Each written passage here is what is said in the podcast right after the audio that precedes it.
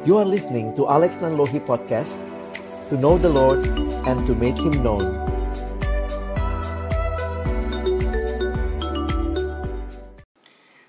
Mari sama-sama kita berdoa sebelum kita membaca dan merenungkan firman Tuhan.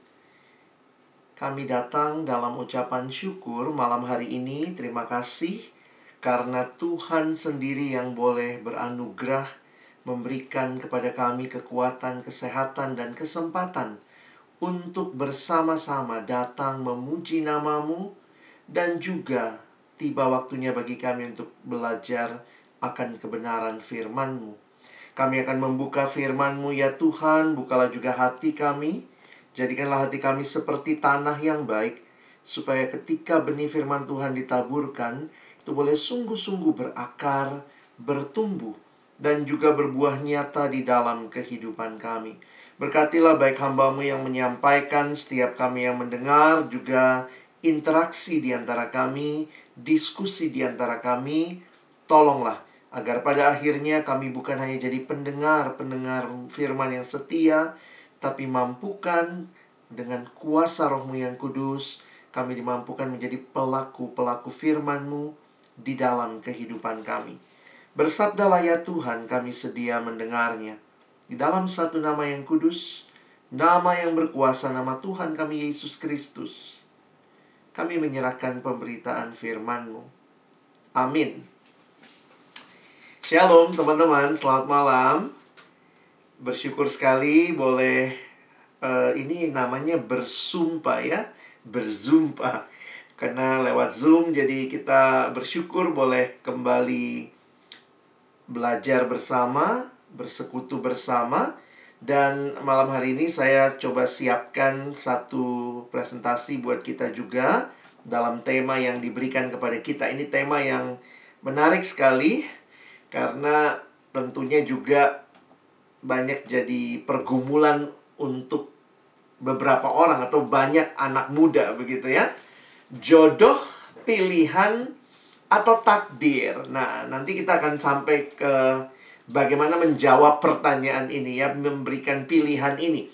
Tapi saya ingin mengajak kita menempatkan ini kita lagi bicara bulan kasih sayang ya, banyak hal yang berkaitan dengan sayang-sayangan Eh, relasi dibahas di bulan ini. Nah, tetapi saya ingin mengajak kita memperhatikan sebenarnya ada hal yang lebih luas daripada sekadar relasi. Ketika manusia hidup, sering kali kita bertanya apa sih arti hidup? Teman-teman sadar atau tidak, setiap kita sebenarnya sedang menghidupi sebuah cerita. Sadar atau tidak, setiap kita sedang menghidupi sebuah cerita. Dan kalau teman-teman perhatikan, cerita itulah yang sebenarnya akan memberikan makna kepada setiap tindakan yang kita lakukan, setiap hal yang kita kerjakan. Jadi sebenarnya sadar atau tidak, kita sedang menghidupi sebuah cerita dan cerita itu memberi makna kepada seluruh keberadaan kita. Saya mengutip kalimat dari Timothy Keller yang mengatakan orang tidak bisa membuat apa pun menjadi sesuatu yang masuk akal atau mempunyai arti tanpa menempatkannya di dalam semacam alur cerita. Contoh, kalau cerita kita adalah tentang cari duit, cari duit, duit semua, uang semua, maka semua tindakan kita kerja keras kita, kalau yang lagi kuliah, lagi kuliah sungguh-sungguh, supaya apa? Supaya nanti bisa dapat pekerjaan, dapat banyak duit. Jadi cerita tentang uang itu, itu memberikan makna kepada kuliah kita, pekerjaan kita, pilihan pilihan hidup kita. Jadi sadar atau tidak, kita sebenarnya sedang memaknai hidup. Kita lihatnya dari kacamata cerita yang sedang kita hidupi. Nah, yang memang jadi pertanyaan adalah kita sedang hidupi ceritanya siapa, begitu ya. Nah, yang menarik sebenarnya kalau kita belajar kembali kepada prinsip firman Tuhan, bahwa Alkitab kita memberikan penjelasan yang tegas sejak awal Alkitab kita dikatakan manusia ciptaan Allah. Nah, teman-teman, kenapa ini penting? Kita bukanlah hasil sebuah evolusi yang panjang. Manusia bukanlah makhluk yang independen, tapi manusia adalah ciptaan Allah, berarti makhluk yang harusnya bergantung kepada Allah dan kitab kejadian yang mencatat awal mula segala sesuatu menjelaskan itu kepada kita bahwa manusia adalah ciptaan Allah, dicipta segambar dan serupa dengan Allah. Kalau Allah menciptakan kita, maka sebenarnya Allah punya sebuah rencana bagi hidup kita. Ada cerita yang Allah rindu saudara dan saya hidupi. Saya memberikan kalimat ini. If life is a story, there must be a storyteller. Kalau hidup ini kita katakan adalah sebuah cerita, maka tentunya ada yang menjadi pencerita, yang buat ceritanya. Nah, sebagai orang percaya, kita mengakui bahwa ini ceritanya bukan cerita kita semata-mata. Tetapi ini adalah ceritanya Allah. This is God's big story.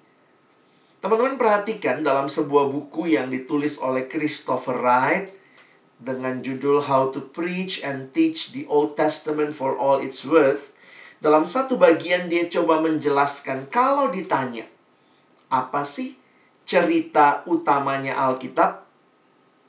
Kalau Alkitab kita diperes begitu rupa teman-teman ya, sebenarnya menyisakan kepada kita ada yang bilang sebuah cerita yang utuh begitu ya.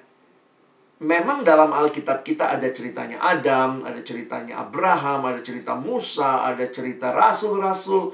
Tetapi kalau kita perhatikan dari kejadian sampai wahyu ketika kita misalnya diperes begitu rupa, sebenarnya ini adalah sebuah cerita yang satu adanya.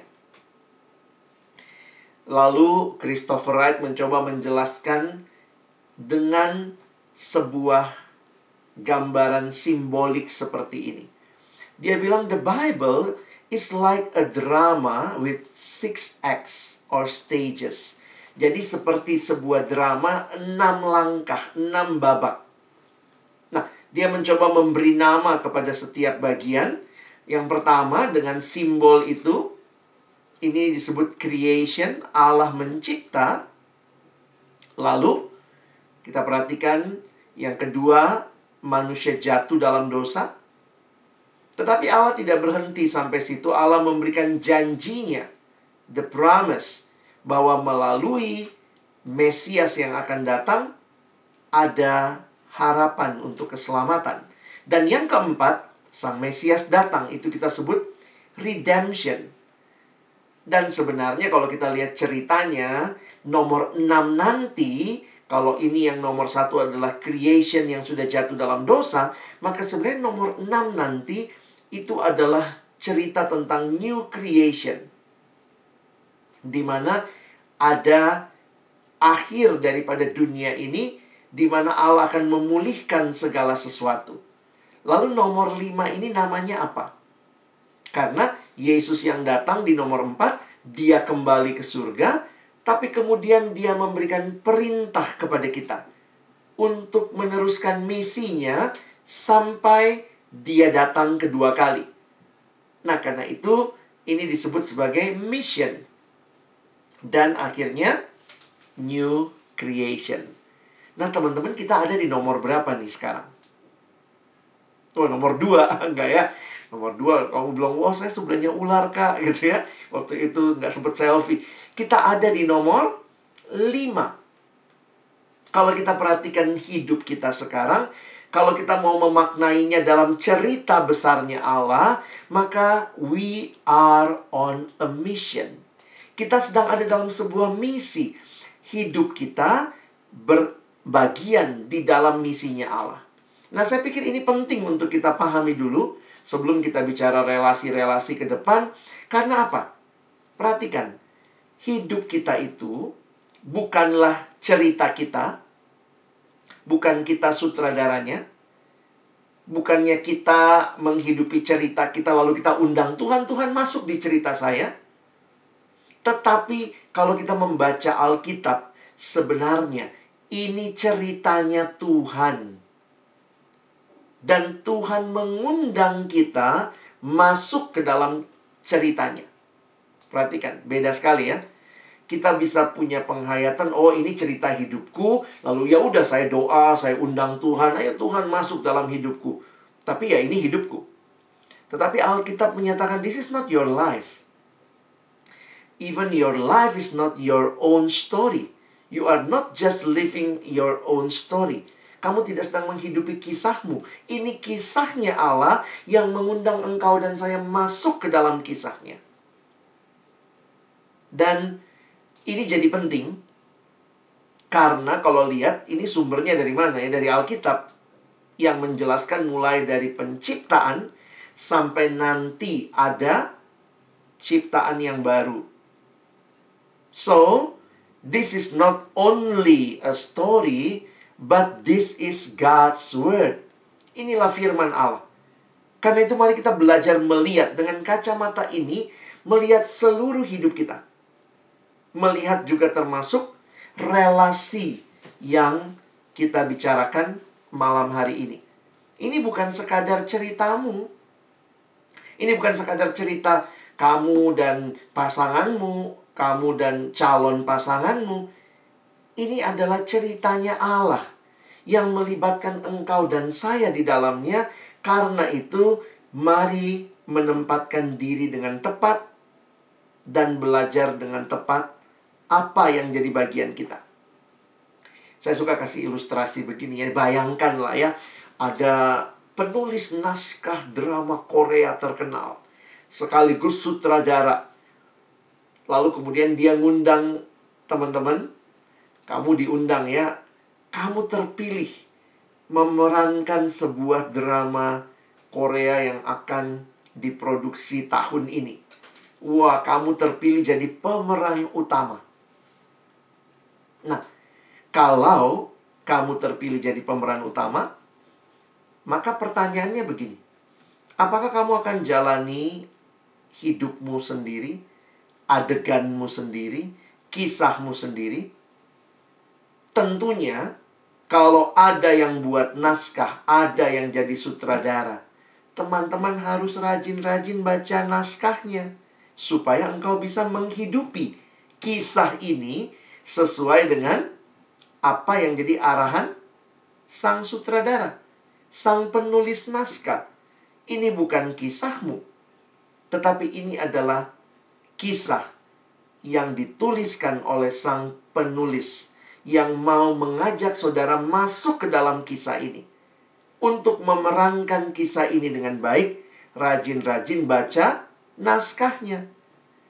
Jadi kembali saya melihat orang Kristen tidak sekadar bicara relasi sebagai sesuatu yang my story, but even your relationship is part of God's big story.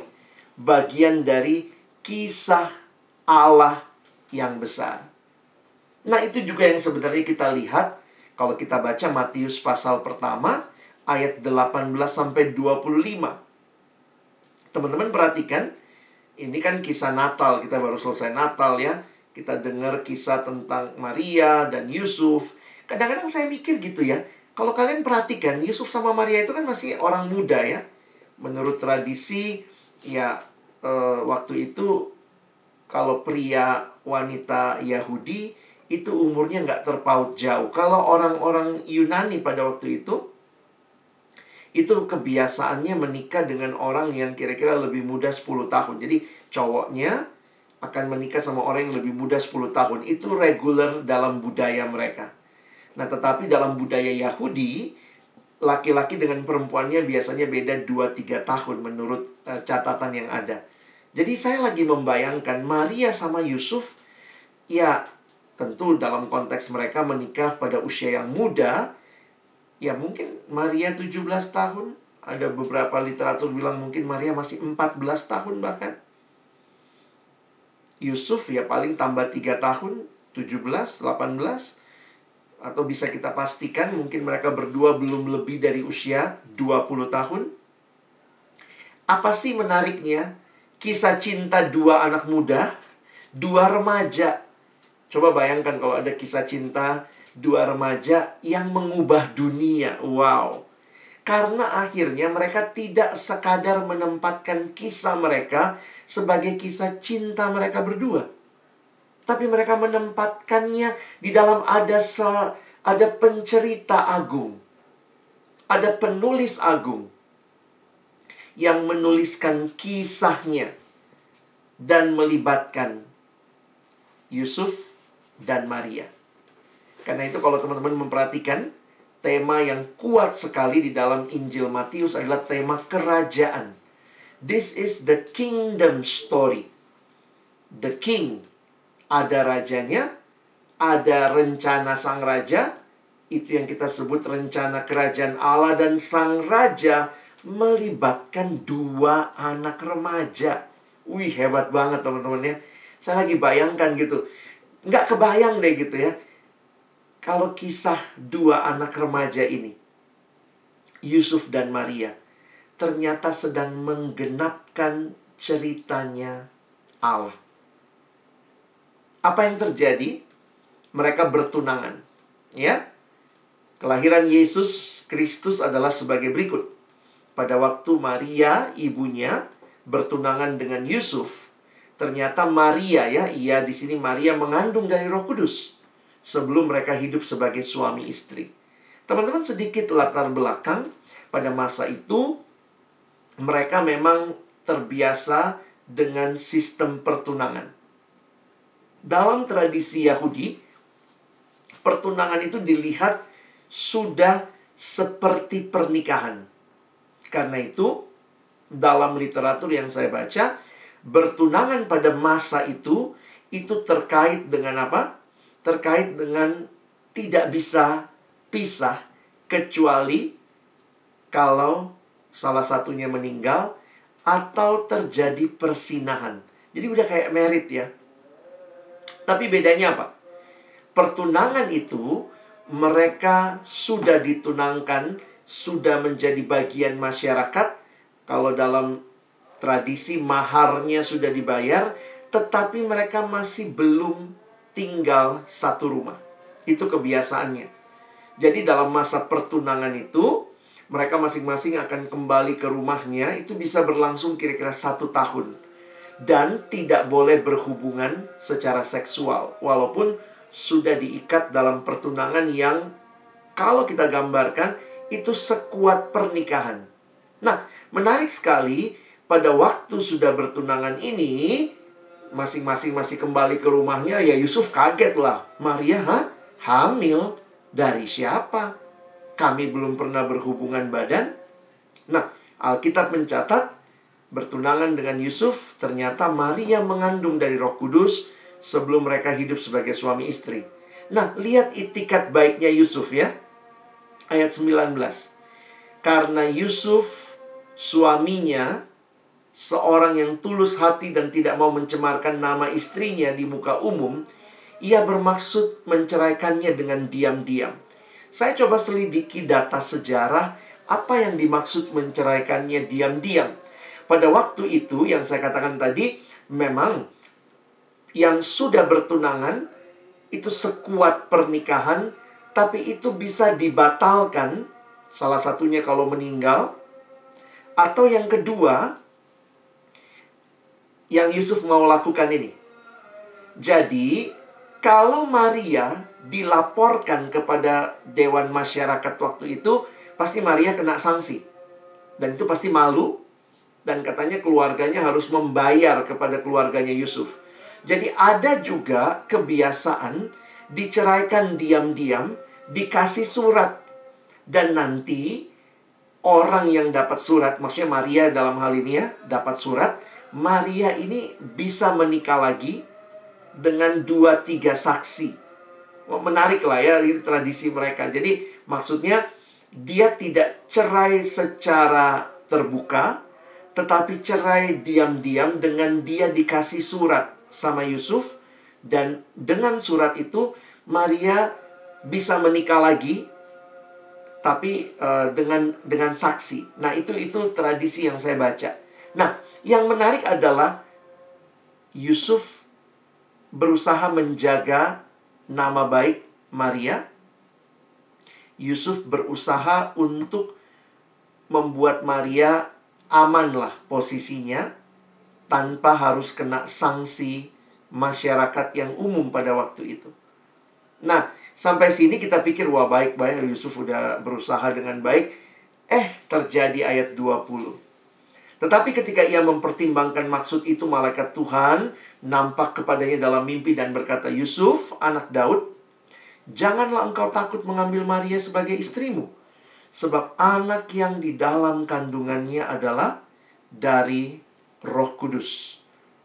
Ia, maksudnya Maria, akan melahirkan anak laki-laki dan engkau, Yusuf, akan menamakan dia Yesus karena dialah yang akan menyelamatkan umatnya dari dosa mereka. Dan ini bukan hanya itu saja, ini menggenapkan apa yang dinanti-nantikan, yaitu Mesias, ayat 22. Hal itu terjadi supaya genaplah yang difirmankan Tuhan oleh Nabi Sesungguhnya anak darah itu akan mengandung dan melahirkan seorang anak laki-laki dan mereka akan menamakan dia Immanuel yang berarti Allah menyertai kita.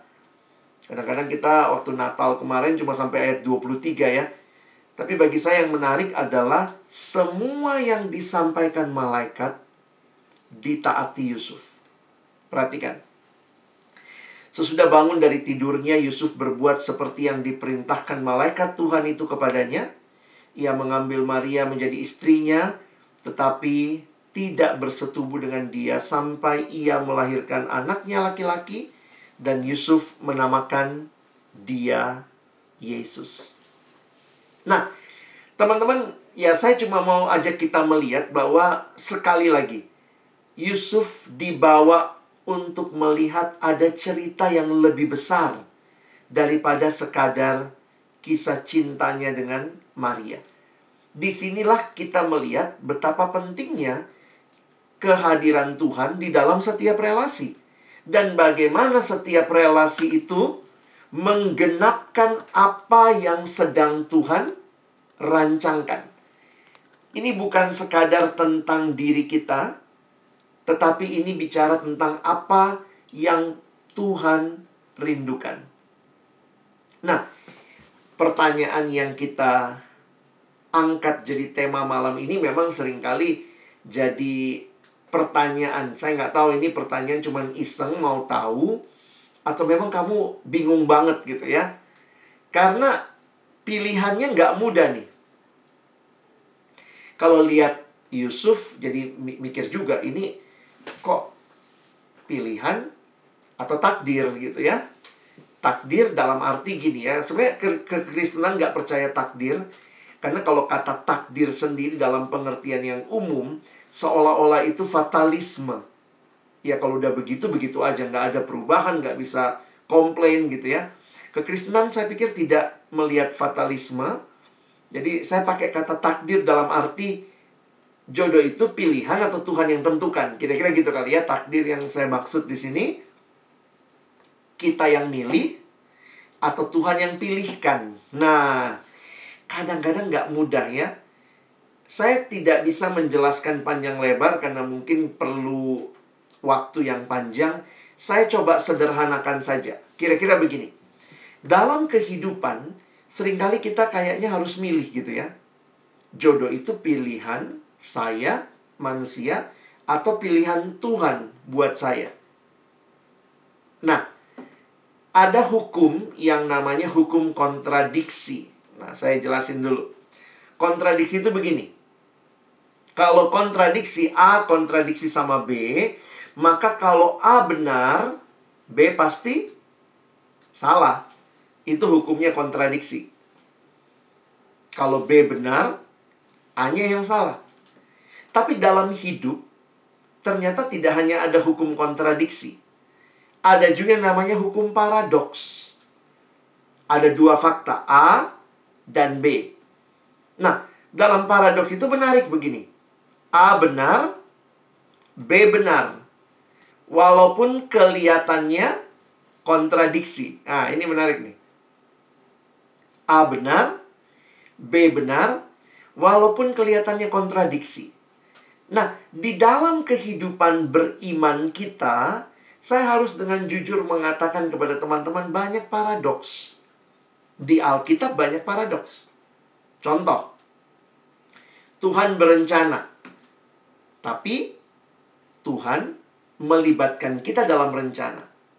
Kita punya pilihan. Jadi, ini kita sedang menghidupi rencana Tuhan atau pilihan kita. Nah, dua-duanya benar. Karena Tuhan tidak bekerja hanya di dalam satu bagian dan membuat kita harus memilih. Contoh, Allah Maha Tahu. Iya atau ya? Iya dong ya. Lalu yang kedua, kita harus berdoa. Loh, kalau Tuhan tahu, kenapa saya harus berdoa? Seringkali kita maunya begini, kalau saya percaya Tuhan tahu, ya saya nggak usah berdoa. Itu hukum kontradiksi. Tapi hidup beriman kita bukan kontradiksi. Banyak kali paradoks. Tuhan Maha Tahu, iya. Saya harus berdoa, iya. Kalau kalian ketemu paradoks dalam kehidupan beriman, maka bukan pilih salah satu. Paradoks itu bukan pilihan, tetapi jalanilah keduanya di dalam ke kebergantungan kepada Tuhan. Kira-kira begitu kali ya. Jadi, saya berdoa karena saya tahu Tuhan tahu doa-doa saya. Saya berdoa karena saya diminta berdoa, memberitahu kepada Tuhan apa yang jadi pergumulan saya. Nah, jadi dalam bagian paradoks dalam hidup, sering kali bukan pilih salah satu, yang benar salah satu, tapi dua-duanya benar, dan kita diminta menghidupinya di dalam iman. Paradoks itu mirip kayak kereta api yang punya dua rel ya. Ya tentu bukan monorail ya. Mana yang lebih penting, rel kiri apa rel kanan? Oh yang kiri penting. Ya, anjlok keretanya ya. Oh yang kanan lebih penting, anjlok juga. Dua-duanya penting untuk dia bisa berjalan. Hidup beriman kita begitu. Teman-teman mesti menyadari betul bahwa Tuhan punya rencana buat hidupmu. Tuhan merencanakan, Tuhan punya rencana yang terbaik, yang indah buatmu. Tapi, teman-teman juga harus pada saat yang sama menyadari kita diberikan kebebasan untuk memilih. Loh, kontradiksi dong, Kak. Kelihatannya kontradiksi, tetapi sebenarnya ini paradoks. Dalam arti apa? Orang yang menyadari Tuhan memberikan yang terbaik bukanlah orang yang pasif, tetapi orang yang dengan aktif. Aktif di dalam keyakinan pemeliharaan Tuhan. Nah, saya pikir itu sikap beriman yang penting, termasuk di dalam kita membangun relasi. Kenapa? Karena ada yang mikir gini, kalau Tuhan berikan jodoh, itu dari Tuhan, itu takdir. Ya udah, saya nunggu aja di kamar, saya kunci semua pintu, nanti datang dia. Kenapa? Karena memang sudah rencana Tuhan. Saya pikir kamu nggak ngerti cara Tuhan bekerja. Karena Tuhan bekerja di dalam memberikan engkau kebebasan. Tuhan memberikan engkau pergaulan. Tuhan memberikan engkau sahabat untuk kamu kenal, untuk kamu bangun relasi. Mungkin dari situ kamu lihat siapa yang tepat menjadi pasangan hidupmu. Jadi saya harap kita nggak fatalisme.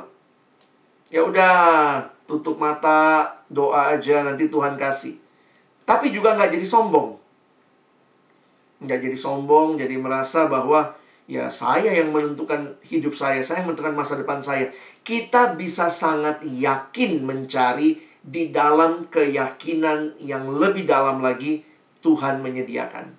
Saya pikir itu sikap hidup beriman kita. Jadi kalau ditanya malam hari ini jawaban singkat saya yang mana yang benar? Jodoh itu pilihan pilihan kita atau takdir atau pilihannya Tuhan. Dua-duanya benar. Dua-duanya harus dijalani dengan sikap tidak sombong, tidak merasa diri sok tahu, tidak merasa diri sok mampu, tetapi di dalam keaktifan mencari kita punya kerendahan hati dan berkata, Tuhan jadilah kehendakmu. Nah itu memang misteri hidup beriman. Banyak hal kayak begitu kok. Bukan cuma masalah relasi ya. Masalah cari kerja. Tuhan bilang kan, burung di udara aku pelihara. Tapi kan kita mesti mesti mesti cari kerja. Mesti pagi-pagi berangkat gitu ya kalau mungkin harus masuk. Mesti WFH dan segala macam. Bukan berarti kalau Tuhan memelihara lalu kemudian kita di kamar tutup semua cuman doa nanti Tuhan kasih uang Tuhan turunkan makanan. Nggak begitu hidup beriman. Termasuk di dalam relasi. Lihat bagaimana Tuhan siapkan Yusuf. Pakai mimpi lah Tuhan menampakkan diri segala macam tapi Yusuf tetap mesti memilih. Makanya ayat 24-25 penting. Dia percaya sama Tuhan, dia ambil pilihannya. Pilihannya menikahi Maria. Jadi ini bukan sekali lagi dua pilihan either this or that, tapi dalam keyakinan Allah memelihara, Yusuf memilih. Oke? Nah, saya berharap itu cukup jelas buat kita dan sekarang bagiannya adalah percaya sama Tuhan. Jadi saya nggak usah jelasin lagi ya kalau Tuhan memelihara, Tuhan berencana, teman-teman udah ngerti lah. Karena ini memang ceritanya Tuhan. Tapi dalam ceritanya Tuhan, kayak gini loh, sutradaranya sudah kasih naskahnya. Tapi kita boleh improve gitu loh. Yuk silakan improve sejauh tidak keluar dari naskah. Mungkinkah kita memilih hal yang tidak tepat? mungkin. Itu konsekuensinya. Kalau kita punya kebebasan, berarti kita mungkin memilih yang tidak tepat. Saya sudah ketemu beberapa orang dalam pernikahan, di dalam konseling pranikah, di dalam konseling relasi. Saya akhirnya menyadari ini kalau diterusin bahaya nih. Ya. Nah, Gimana abang bisa ngomong seperti itu? Nah ini masalah-masalah yang harus kita coba lihat di dalam bagian kita. Saya nggak masalahin bagian Tuhan ya. Tapi saya coba mengajak kita melihat apa prinsip yang perlu teman-teman pegang waktu kita punya kebebasan memilih. Ya. Masa muda, ya masa di mana kita mulai punya gejolak ya mengalami pergumulan dalam relasi termasuk relasi pria dan wanita. Nah, saya coba ajak kita kembali ke naskah. Lihat naskahnya. Ya, naskah kita yang paling jelas adalah Alkitab karena kita sedang menghidupi kisahnya Allah. Allah sudah menceritakan semua bagaimana kehendaknya, rencananya di dalam Alkitab. Nah, apa kata Alkitab?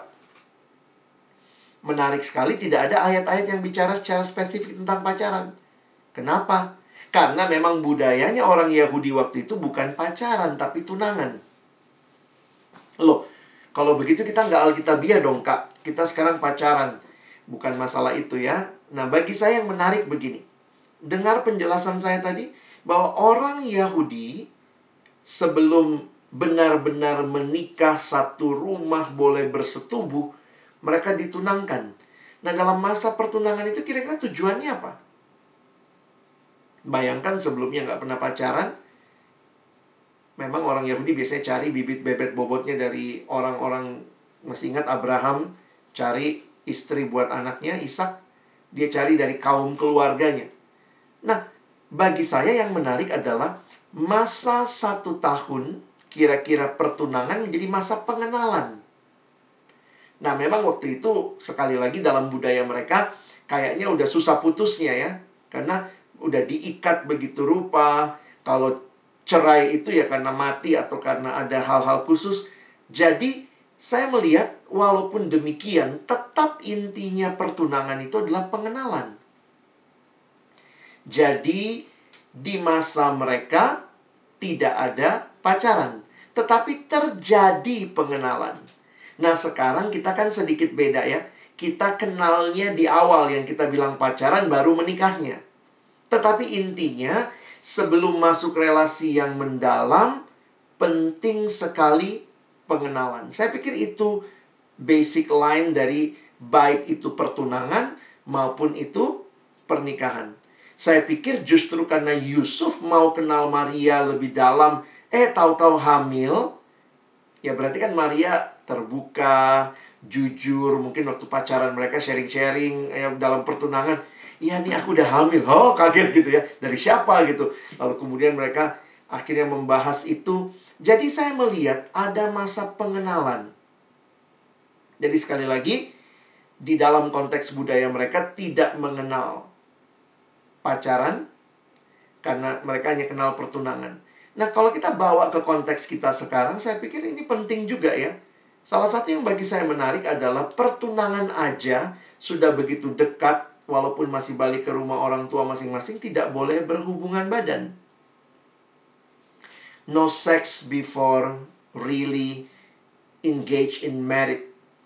Dan bagi saya ya kalau pacaran ya ini yang harus kita jaga pacaran Kristen tujuannya jelas pernikahan. Saya pikir nggak ada tujuan lain. Kalau ada yang bilang, saya cuma pengen kenal sih kak, ya udah itu namanya sahabat, bukan pacaran. Kalau sudah masuk ke pacaran harus ada tujuan yang jelas. Kenapa?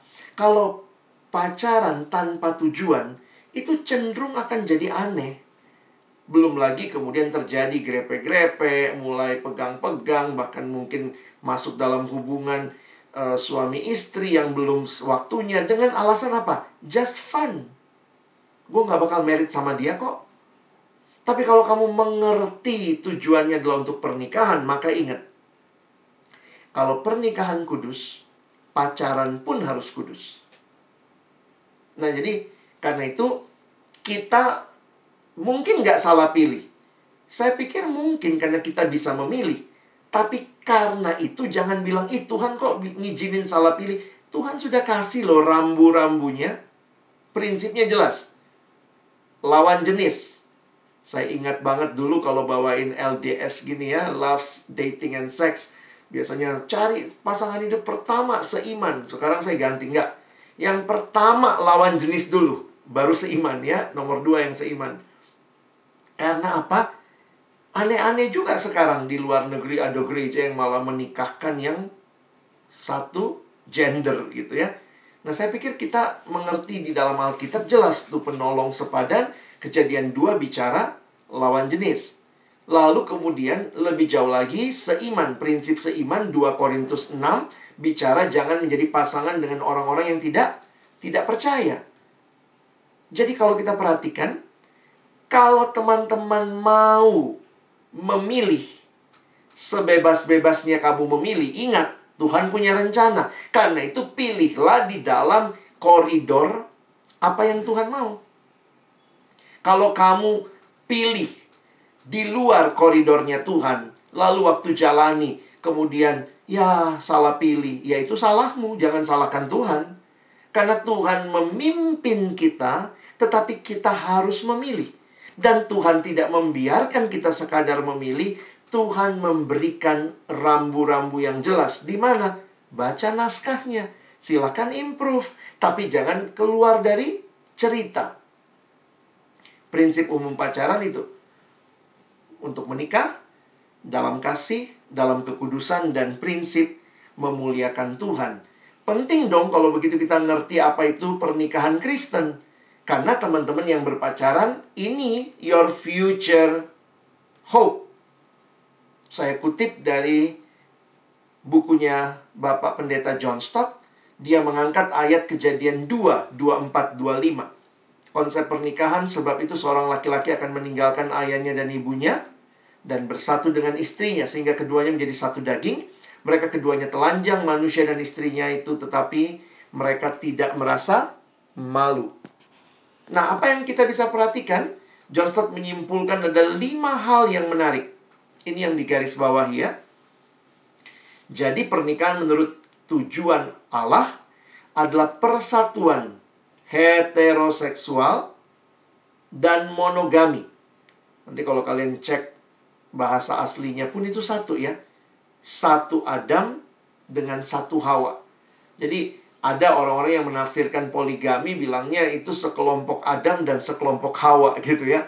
Kita nggak jelas ayatnya. Satu Monogami melibatkan komitmen seumur hidup dan penuh cinta antara satu laki-laki dan perempuan dimulai dengan meninggalkan orang tuanya. Nah, menarik sekali gambaran meninggalkan orang tua sebenarnya John Stott mengkaitkan itu disaksikan oleh umum. Jadi makanya kalau pernikahan itu nggak boleh sembunyi-sembunyi. Kekristenan menolak pernikahan di bawah di bawah tangan lah, di bawah meja lah, di bawah apa begitu ya. Kita menolak itu harus ada saksinya umum supaya orang tahu itu sudah menikah. Jangan digoda lagi, jangan main-main itu dalam pernikahan selalu ada saksi dan persatuannya disempurnakan dengan hubungan seksual. Kalau ini tujuannya orang berpacaran, maka ya pikir dengan serius. Kenapa perlu pikir serius? Dampaknya bagi pribadimu apa? Waktu mau mulai pacaran, apakah makin bertumbuh atau makin mundur secara rohani? Jadi jangan bilang Tuhan yang mana yang aku harus pilih. Kalau kamu dengan sengaja memilih yang tidak sesuai kehendak Tuhan, lalu ini dampaknya bisa tiba-tiba makin mundur, di persekutuan bisa jadi jadi batu sandungan, bukan jadi teladan. Nah, saya selalu ingat ayat ini ya, 1 Korintus 10 ayat 31. Ayat ini mengingatkan jika engkau makan atau jika engkau minum atau jika engkau melakukan sesuatu yang lain. Apa itu yang lain? Lakukanlah semuanya itu untuk kemuliaan Allah. Saya pikir ayat ini bicara hal yang sangat apa bahasa anak sekarang receh ya. Makan aja untuk kemuliaan Allah. Minum aja untuk kemuliaan Allah. Gile ya, hal yang receh begitu aja buat kemuliaan Allah. Masa pacaran untuk for my fun? Pasti nggak klop lah ya. Kalau kita anak Tuhan, makan aja buat kemuliaan Allah, minum untuk kemuliaan Allah. Masa pacaran untuk just for fun? Harusnya juga untuk kemuliaan Allah. Nah, saya akan berhenti di slide berikut ini sebelum kita diskusi. Jadi bagaimana nih, ya? Selain prinsip-prinsip kebenaran Alkitab yang kita sudah lihat, harus lawan jenis, harus seiman. Tapi kita dikasih kebebasan ya. Mau rambut panjang, rambut pendek, itu pilihan kita lah ya. Tetapi bukan sekedar rambutnya yang paling utama. Bukan sekedar wajahnya. Tapi kita diajak untuk melihat berbagai aspek. Ingat ya, manusia itu bukan cuma satu aspek. Makanya dalam memilih teman hidup pun kita perlu memahami aspek-aspek yang perlu ada. Teman-teman perhatikan, saya angkat empat aspek di sini. Ini perlu ada jadi pertimbangan. Baik pertimbangan pribadimu, maupun berdua dengan pasanganmu atau calon pasanganmu. Kalau mulai PDKT, mari sama-sama bicarakan ini. Dan bahkan libatkan komunitas yang kenal kalian. Karena itu akan menolong. Kenapa? Setiap budaya dalam setiap masa punya penekanan yang agak berlebihan kepada aspek tertentu. Buat sekarang ini, aspeknya yang paling ditonjolkan kalau kalian lihat drama, kalian lihat film, kalian dengar lagu, aspek yang sangat ditonjolkan di generasi ini adalah perasaan. Sekali lagi saya nggak bilang perasaan nggak penting. Tapi perasaan ini cuma satu aspek, bukan satu-satunya aspek. Jadi jangan jadikan perasaan segalanya. Jadi ada orang yang kalau dia udah rasa, aduh, gue tanya, nah apa ya bahasa sekarang chemistry, chemistry. Gue dapat banget tuh chemistry sama dia bang, gue dapat banget chemistry sama dia. Betul kamu dapat chemistry-nya, tapi pikirin dong akal sehatnya. Ya, Kalian mesti pikirin secara akal sehat. Dia ada di mana, tinggal di mana. Jangan iya, aduh pokoknya gue sayang banget sama dia. Gue dapat klik banget gitu ya. Taunya apa? Dia di Afrika misalnya ya. Jauh yang maksudnya itu kadang-kadang perasaannya kuat, akalnya nggak dapet. Aduh gue suka banget bang sama dia ya. Uh -uh. Eh, bintang film Korea. Jauh banget coy gitu ya kamu doa minta dia jadi pasanganmu padahal mungkin dalam realita tertentu tidak masuk akal sehat. Tapi ada yang masuk akal sehat nggak dapat perasaannya. Bisa begitu juga. Makanya poin saya adalah ini harus terus bertumbuh. Akal sehat itu kita mulai pertimbangkan hal-hal lain. pro kontranya, karakternya bagaimana, latar belakang orang tuanya seperti apa, sukunya apa. Karena mungkin itu akan jadi masalah buat beberapa orang. Lalu komunikasi dengan dia. Ingat ya, ini bukan pilih barang, ini relasi dengan manusia.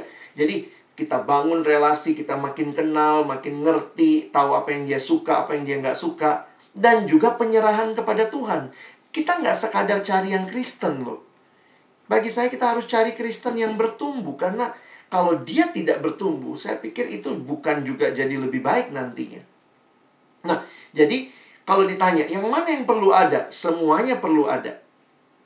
Yang mana yang sering kali kuat banget? Kadang-kadang cinta perasaannya kuat sekali ya. Jadi ada satu anak waktu itu dia udah datang. Kak, gue dapet banget chemistry-nya sama dia. Dia baru pulang dari KKN, kuliah kerja nyata ke daerah. Soalnya ini anak daerah Gue chemistry-nya dapet banget, Kak. Gue ngobrolnya nyambung banget sama dia, Kak. Karakternya juga anaknya baik, Kak. Jadi semua udah terpenuhi gitu. Tapi satu, bukan anak Tuhan. Ya sudah. Kalau kita hanya bicara perasaan, kita hanya bicara karakter, even karakter, nggak usah jadi orang Kristen untuk baik. Ada orang nggak Kristen baik juga.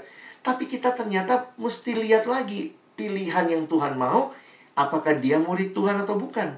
Kalaupun murid Tuhan, dia bertumbuh atau tidak. Jadi ini akhirnya bagi saya perlu kita bangun. Lalu kemudian jangan bilang, oh kalau begitu kita yang penting sama anak Tuhan, walaupun nggak ada perasaannya kak. Walaupun karakternya nggak bagus, ya nggak gitu juga. Ya carilah orang Kristen yang kamu pun akan membangun perasaanmu lebih dalam dengan dia dan juga makin kenal karakternya dan bertumbuh bersama. Jadi akhirnya teman-teman, ini faktor-faktor yang perlu menjadi pertimbangan. Nah, saya berharap pemaparan ini memberikan uh, landasan lah buat kita mengerti tema kita malam ini dan bagaimana juga rambu-rambu secara sederhana untuk boleh memilih pasangan hidup. Baik, saya selesai sampai di sini. Silakan uh, selanjutnya saya kembalikan pada Arok. Oke, thank you Bang Alex. Eh, teman-teman uh, ada yang mau ditanyakan nggak nih pembahasan yang cukup menarik nih bahwa tadi kita sama-sama belajar bahwa jodoh itu kalau tadi Bang Alex dan apa yang kita dengar itu adalah uh, pilihan Tuhan atau pilihan kita sendiri. Ya, kita dibiarkan kita dibebaskan sama Tuhan untuk bisa memilih dengan rambu-rambu yang memang sudah Tuhan kasih. Nah, ini teman-teman ada yang mau ditanyakan nggak sih nih uh, terutama untuk uh, mungkin ya teman-teman di sini memang sampai saat ini oh George ya? Iya George. Tangan ya George tangannya ada George uh, boleh silakan. Iya, iya. Uh, saya mau bersharing sama bang Alex. Iya ya. silakan George uh, saya umur mau dua enam atau dua tujuh hmm. kemungkinan saya cinta sih sama Bursi Hite ya. Mm -hmm dari pariban papi saya kata tante Esther saya Jos berfoto yuk di rumah yuk. Karena aku kan ganteng. Kami kami dengerin ini ini untuk aku. Uh, untuk, untuk aku sih ya bang ya. Iya. Uh, Jos Jos kan ganteng kan. Uh, ayo dan bilang uh, kok saya ingin mau dapat jodoh orang yang Batak, saya suka menyanyikan lagu orang ketiga. Dan ada rencana itu kan itu boleh nggak ya bang ya? Apa orang ketiganya maksudnya apa? Dan dan ini. Dan antar ini adalah cinta ini nggak boleh mas ini boleh ini boleh ini, ini untuk anak muda sedang ada merencanakan cinta Tuhan itu boleh nggak dinyanyikan? Kalau kalau artinya bagus boleh, tapi kalau artinya boleh. tidak bagus, mesti Hah? George harus tahu artinya ya. Ah. Apakah iya. artinya itu memang baik? Jangan ada orang ketiga itu kan orang sudah punya relasi kita masuk ke tengahnya. Ya, jadi ah, tapi tetap doakan aku semoga aku dapat jodoh ya, orang ya, amin. Ya, Tuhan berkati ya Jos ya. Oke, George. Ada lagi teman-teman yang mungkin mau sharing atau mungkin bertanya gitu karena nah, ini menarik bang. Jadi seperti yang tadi sempat disampaikan juga sama Bang Alex bahwa uh, itu dia kita harus tahu rambu-rambunya juga biar kalau kita dalam kita memilih pasangan hidup ya itu adalah pasangan yang tepat. Mana saya juga sempat dengar juga ada yang berkata bahwa di seminar gitu bahwa hmm. pasangan kita apakah pasangan yang memang paling cantik atau paling ganteng gitu jawabannya sih ada yang lebih cantik tapi uh, apakah itu paling tepat nah ketika ditanya paling tepat nah itu ya itulah ketika ditanya itulah pasangan yang paling tepat buat orang di sebelah anda hmm. begitu ya kurang ya bang ya iya iya ya, kadang memang kita kita punya gambaran-gambaran ideal ya. Kita semua kita pasti punya gambaran ideal apa yang kita inginkan. Tapi mari kita belajar tunduk kepada melihat di balik atau di atas apa yang saya inginkan harus ada apa yang Tuhan inginkan. Jadi kalau nggak klop, cantik banget, tapi dia nggak bukan anak Tuhan ya sudah gitu saya padahal saya udah bikin di list saya pokoknya harus cantik misalnya. Ya udah itu dicoret secantik apa pun tidak mengalahkan dia harus anak Tuhan misalnya. Itu itu uh, aplikasinya kira-kira ya.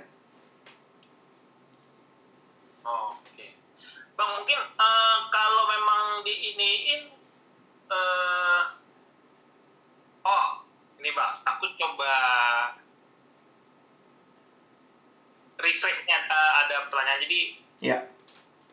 Uh,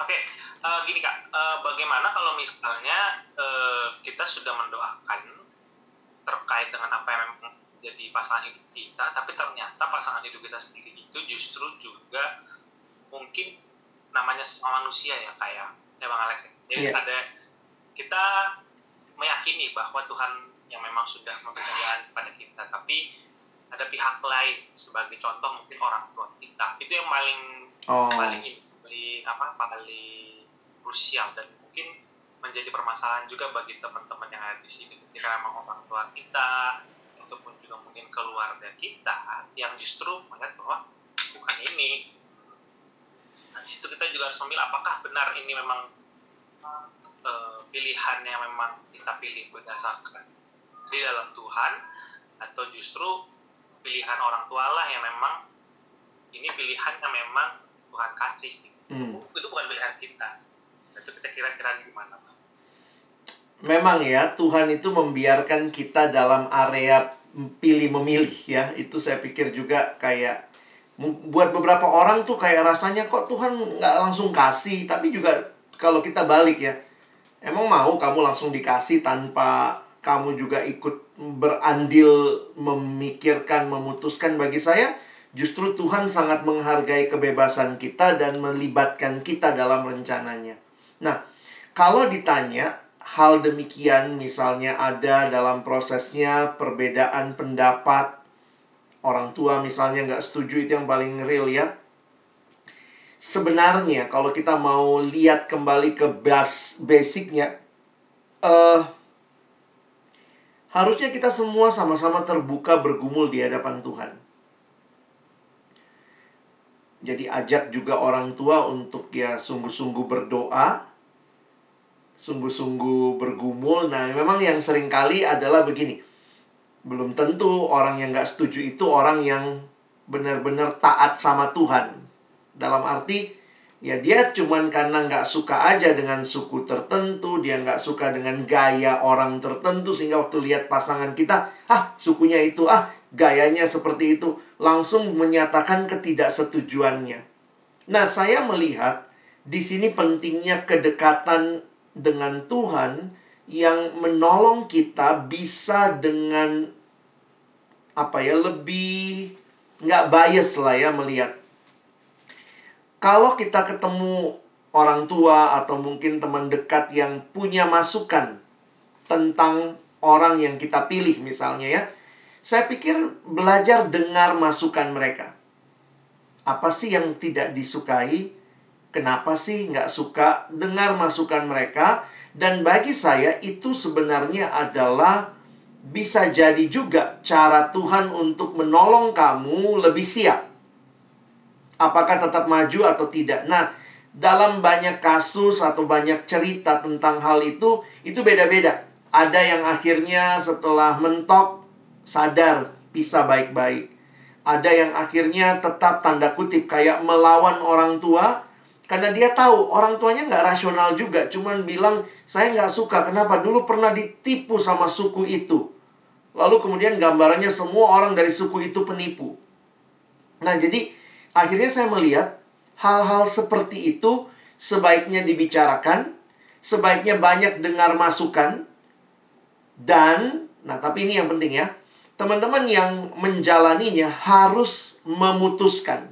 Dalam arti, masukan orang lain, yaitu masukan. Orang tua termasuk. Pada akhirnya, kamu harus ambil keputusan. Dan selalu ingat, setiap keputusan pasti ada pro dan kontra. Tidak ada keputusan yang kalau kita pilih itu menyenangkan semua pihak. Nggak ada. Tapi kedekatanmu dengan Tuhan kiranya akan menolong kamu bisa memutuskan dengan tepat dan itu kiranya akan apa ya menolong kamu juga untuk melangkah ke depan. Baik yang lanjut yang nggak lanjut. Nah ini kalau kayak begini mesti dibahas kasus per kasus ya. Saya juga ketemu beberapa teman uh, ada yang lanjut ada yang enggak ya. Dan itu uh, bisa cukup lama perjuangannya. Dan ya Tuhan bisa buka jalan tapi juga bisa Tuhan tutup ya. Dalam arti akhirnya kayak ya udah memang bukan ini gitu. Sehingga kemudian bisa baik-baik. Jadi gitu kali routnya itu butuh proses yang panjang. Oke thank you bang Alex. Nih teman-teman yang lain nih ada yang mau nanya nggak nih? Biasanya yang sering nanya kayak gini Dirga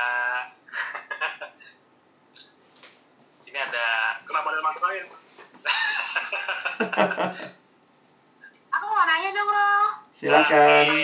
Ah ya kan eh, uh, eh siapa nih? Ada yang mau nanya atau enggak enggak enggak. Enggak apa-apa. Oh, enggak. jadi boleh masuk? Kita dulu kita dulu. Nah kita dulu baru Dirga ya. Kayak masih ada waktu. Nggak apa-apa kita dulu. Bang. nggak apa pengen nanya aja sih. Hmm. Karena kan sebenarnya aku nggak related sama hubungan percintaanku ya Hmm. cuma uh, eh, suaraku jelas nggak ya ini sinyalnya apa jelek nggak ya jelas. Oh, oke jadi tuh aku pengen nanya sih karena aku kayak kemarin tuh lagi suka baca kitab Uh, jadi kemarin tuh kayak lagi baca kejadian dan aku kayak ngelihat sebetul ini in terms of marriage dan aku cuma pingin tahu point of view abang aja sih Hmm. uh, aku ngelihat banyak banget maksudnya di cerita itu tuh keluarga-keluarga yang agak mess up ya. Maksudnya pasangan-pasangan yang cukup agak mess up gitu. Misalnya Abraham dia suka bohong. Uh, dia bilang Sarah itu bukan istrinya dan dia uh, kasih-kasih ke Pharaoh supaya dia selamat. Terus habis itu aku juga lihat akhirnya misalnya Esau dia nikah tapi nggak disetujuin sama orang tuanya dan orang tuanya sedih waktu itu di situ.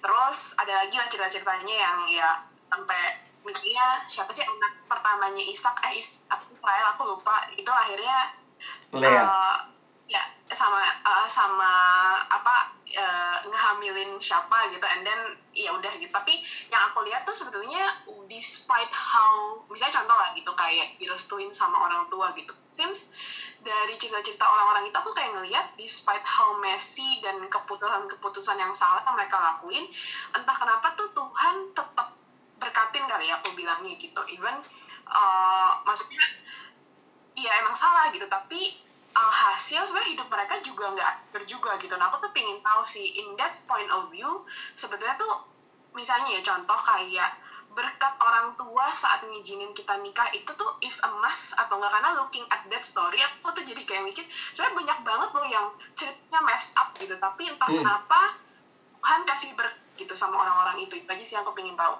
Oke. Thank you kita. Ini pertanyaan yang baik karena memang menanyakan yang cukup esensi. Saya coba jawab dengan sederhana aja ya dalam arti penjelasannya memang bisa sangat panjang, tapi kita mesti melihat how God operates in our world. Gimana Tuhan bekerja dalam dunia kita. Sekali lagi, Tuhan ada dan Dia punya rencana. Itu sangat kita yakini. Dan ini uniknya Tuhan kita ya. Dalam kenyataan Dia memakai manusia, Dia tahu loh kita udah jatuh dalam dosa, kita mess up. But still, He's have a plan. Dan Dia apa ya? Kalau pakai istilah Tuhan memilih meneruskan menggenapkan rencananya dalam dunia ini melalui kita, messy people. Nah, lalu apa yang terjadi? Kita tetap dikasih kebebasan memilih. Nah, ada yang akhirnya berpikir, tuh kan diberkati juga, ya udahlah hidupnya nggak usah benar-benar amat kok, nggak, apalagi kita bisa bersembunyi di balik nggak kan memang nggak ada orang yang sempurna ya udahlah even your wrong, wrong choice can God make it good tapi still kita mesti ingat, Tuhan sudah kasih rambunya. Somehow kita juga bisa salah pilih, tetapi juga Tuhan tidak mau dong kita salah pilih. Tuhan memberikan peringatan kalau buat Israel dia kirim nabi, dia kirim apa, waktu Abraham itu dia kasih mimpi. Itu semua cara Tuhan untuk nolong, please, lu milih yang bener dong gitu ya. Jadi, kenapa demikian? Karena setiap wrongdoings kita, setiap pilihan kita ada konsekuensinya dan kita bertanggung jawab. Jangan karena bicara ini rencananya Allah, lalu kayaknya dia yang tanggung jawab atas our messy. No, kita harus tanggung jawab. Karena itu, kalau teman-teman memperhatikan, di dalam realita itulah penggenapannya Yesus yang akhirnya menanggung semua our messiness itu ya yang terjadi. Nah, karena itu perhatikan bukan berarti hal-hal yang salah pilih itu jadi benar, tidak. Hal yang salah pilih tetap salah. Tetapi Tuhan sanggup membuat yang paling salah pilih sekalipun menggenapkan rencana dan tujuannya. Itulah how great is our God. Saya kasih contoh. Ini cara melihat ya. Kadang-kadang kalau kita lihat sederhana kisahnya, kita mesti, wah, we must say thanks to Yudas. Bayangkan kalau Yudas nggak jual Yesus, nggak naik dia ke kayu salib. Berarti, oh, praise God, praise Yudas. Karena dia yang membuat Yesus akhirnya ke salib. Kalau gitu Yudas nggak boleh disalahkan dong untuk pilihan yang dia buat. Saya pikir bukan begitu cara lihatnya. Cara lihatnya, Yudas bertanggung jawab untuk pilihan dia, itu pilihan yang salah. Tetapi, lihat, di dalam pilihan yang paling messy yang Yudas buat, yang memang Yudas harus tanggung, Allah sanggup menggunakannya untuk sebuah cerita keselamatan yang besar. Seorang dosen saya bilang begini, coba bayangkan ada dua macam pabrik pengalengan daging. Bayangkan ya, ada dua pabrik pengalengan daging. Yang satu inputnya daging baik.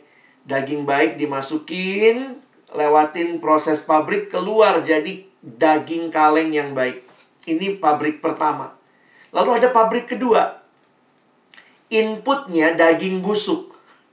Eh, diolah-diolah keluarnya daging yang baik. Pabrik mana yang lebih hebat? Ya, pabrik kedua lah ya. Inputnya daging busuk, keluarnya daging baik. Nah, dia mau mengatakan begini. Bahkan our messy ya, yang paling jelek sekalipun, tidaklah menggagalkan rencana Tuhan karena Tuhan sanggup mengubah yang paling buruk itu menjadi kebaikan. Itulah Roma 8 ayat 28. Allah turut bekerja dalam segala sesuatu untuk mendatangkan kebaikan bagi orang yang mengasihi Dia. Nah, tapi sekali lagi, itu bukan berarti silahkan salah pilih. Nanti kan Tuhan bisa make it right. Kalau kamu mengertinya seperti itu, kamu nggak ngerti anugerah Tuhan. Kamu sedang mempermainkan anugerah Tuhan. Karena itu, semua pilihan kita harus kita pertanggungjawabkan. Tetapi, pilihan yang paling salah sekalipun dalam caranya Tuhan yang melampaui cara kita berpikir, sanggup dia arahkan kepada tujuannya untuk rencananya digenapi bagi dunia ini. Kira-kira bisa dipahami? Bisa. Masih okay. aku coba pengen tanya karena it seems banyak banget kayak ini tuh pilihan yang salah kalau dari semua hmm. cerita-cerita Alkitab yang ada it seems bukan dipilih ya benar sih nggak pernah dipilih orang yang perfect gitu even hmm. they make a very stupid choice gitu in life yang kayak lah nah aneh banget gitu. Itu aja sih. Aku cuma yeah. pengen tahu karena for me is quite a questions gitu pas baca bagian itu gitu kayak nggak ada keluarga yang bener lah gitu menurut aku dari yeah. cerita itu. Ada ada ada orang yang ada orang yang salah membaca. Misalnya dia bilang gini buktinya kan Yakub diberkati padahal dia penipu. Seolah-olah karena Tuhan memberkati tipu-tipunya jadi benar nggak begitu. Still salah tipunya salah banget dia ambil empat istri makanya kalau kita lihat yang pertama dicatat poligami di Alkitab kejadian 4 itu Lamek punya dua istri. Saya pikir nggak kebetulan dicatat. Walaupun melalui Lameh ini turunlah bangsa-bangsa segala macam, still ini menyalahi rencana awal satu suami, satu istri. Jadi jangan pernah menggunakan berkat yang memang Tuhan berikan dalam messiness kita menjadi pembenaran untuk tindakan yang salah. Mungkin itu kali bisa jadi kesimpulannya. Thank you. Oke, thank you Bang Alex. Tadi bisa satu penanya kayak Dirga ya? Masih oh, Atau Kak Devina? Kak Dirga dulu baru Kak uh, Devina ya? Uh, Kak Devina aja, gue nggak jadi nggak jadi. Kok gitu? Aku jadi nggak enak nanti. Biasa Dirga suka kayak gitu kak. ya aku okay. kalau dari pembahasan tadi soal jodoh gitu ya uh, kan kebetulan aku udah married nih terus yeah. aku penasaran aja sebenarnya ada nggak sih jodoh yang sempurna yang sempurna banget gitu menurut menurut apa sih menurut ya mungkin menurut pandangan bang Alex gitu uh, jodoh yang sempurna banget itu seperti apa kalau ada gitu? Sempurna dalam arti apa ini? Gitu segalanya sempurna yang tadi dalam disebutkan dalam kriteria kriteria yang tadi uh, sempurnanya tuh sampai di titik mana gitu?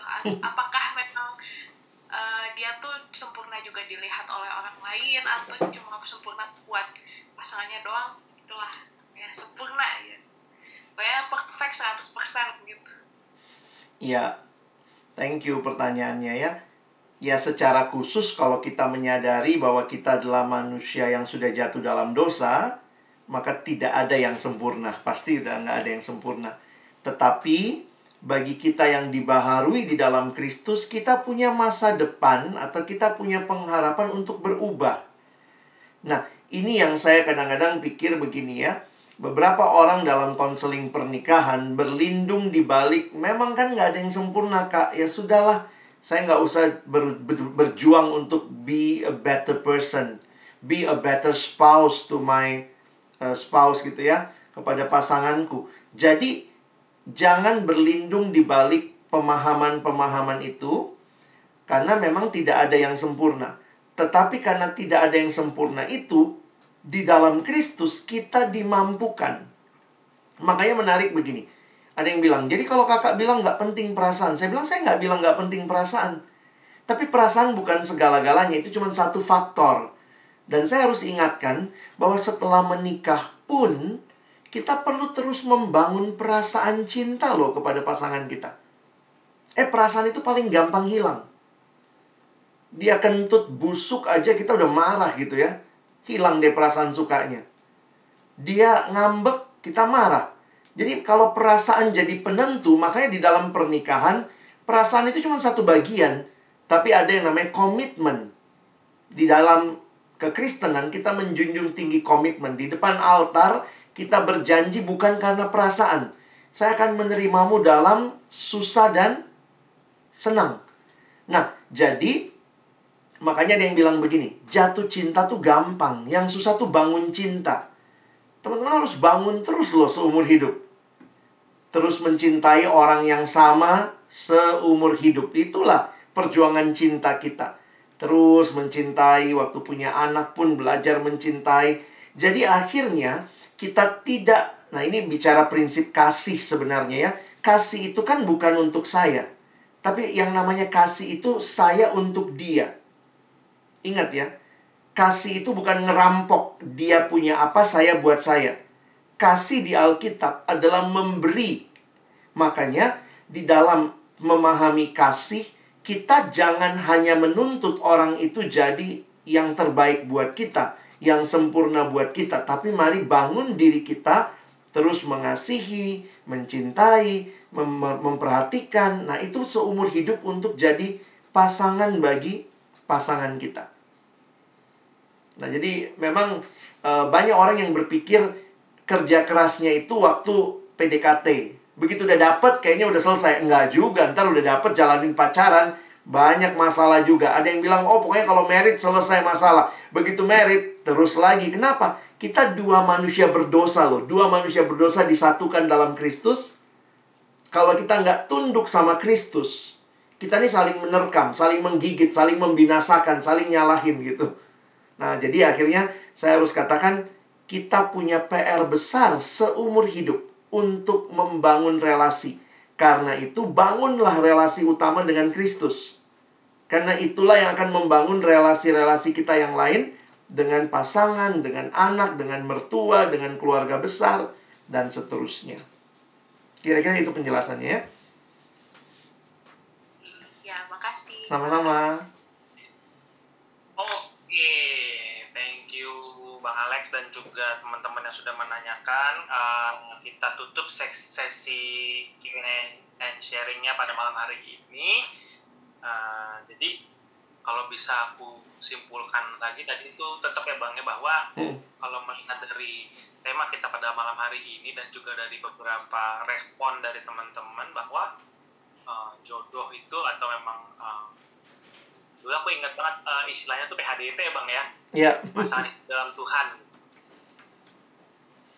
Oh. Boleh deh terakhir nih.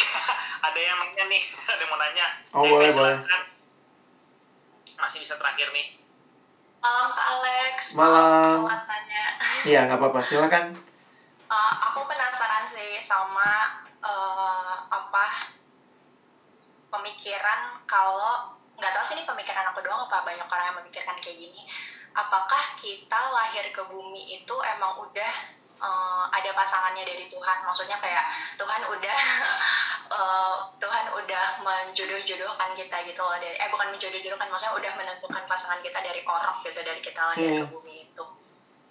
Itu satu. Abis itu yang kedua uh, sama uh, soal judul ini kan jodoh itu pilihan atau takdir. Sebenarnya tuh tadinya aku mikir kayak takdir itu lebih ke kayak misalkan kayak uh, kita memutuskan untuk menikah gitu. Untuk eh sebelum ke pertanyaan kedua eh sebelum ke pertanyaan itu aku mau nanya lagi ke apakah menikah itu sebuah kewajiban mengingat uh, ada Tuhan uh, mempunyai perintah kalau kita harus berkembang biak? Itu jadi kan dua pertanyaan itu aja.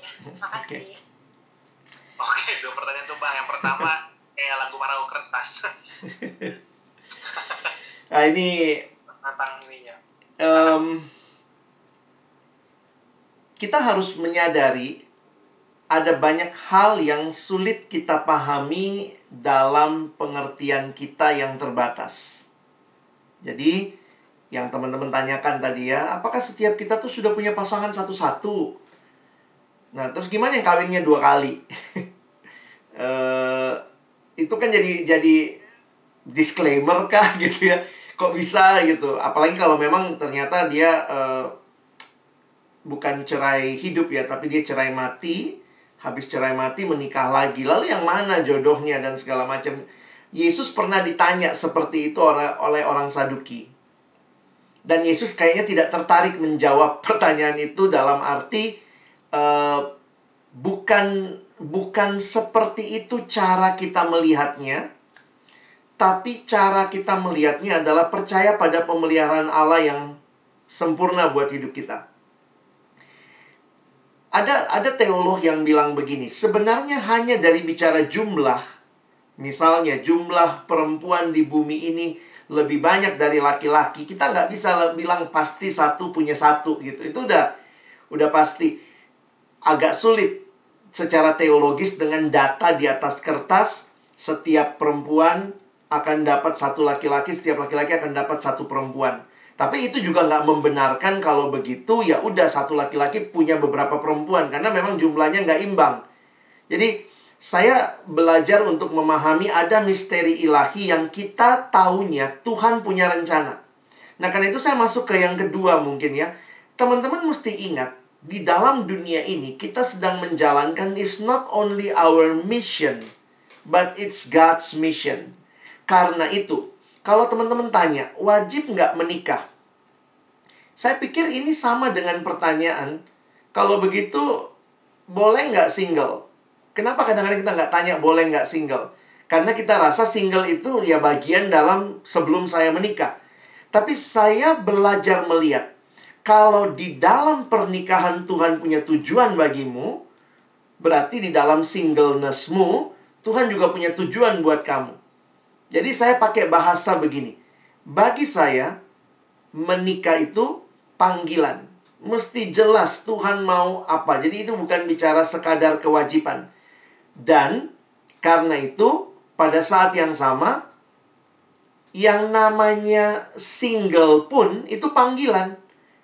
Sebelum kamu menikah, kamu single. Dalam singlemu pun kamu harus memuliakan Tuhan, hidup jadi berkat buat sesama, dan menikah panggilan Tuhan, waktu kamu menikah hidup bagi Tuhan, memuliakan Tuhan jadi berkat buat sesama.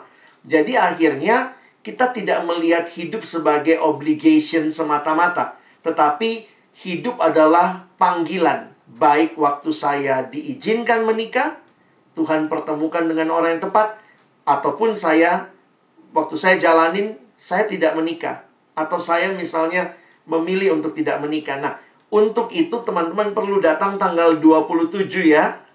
Itu sesi kalian untuk next pembahasan. Saya dengarnya dari pengurus begitu ya. Jadi saya berikan dasar malam ini tapi mungkin dijawab lebih dalam waktu uh, Komisi Pemuda tanggal benar ya 27 ya. Nanti kalian lihat ya.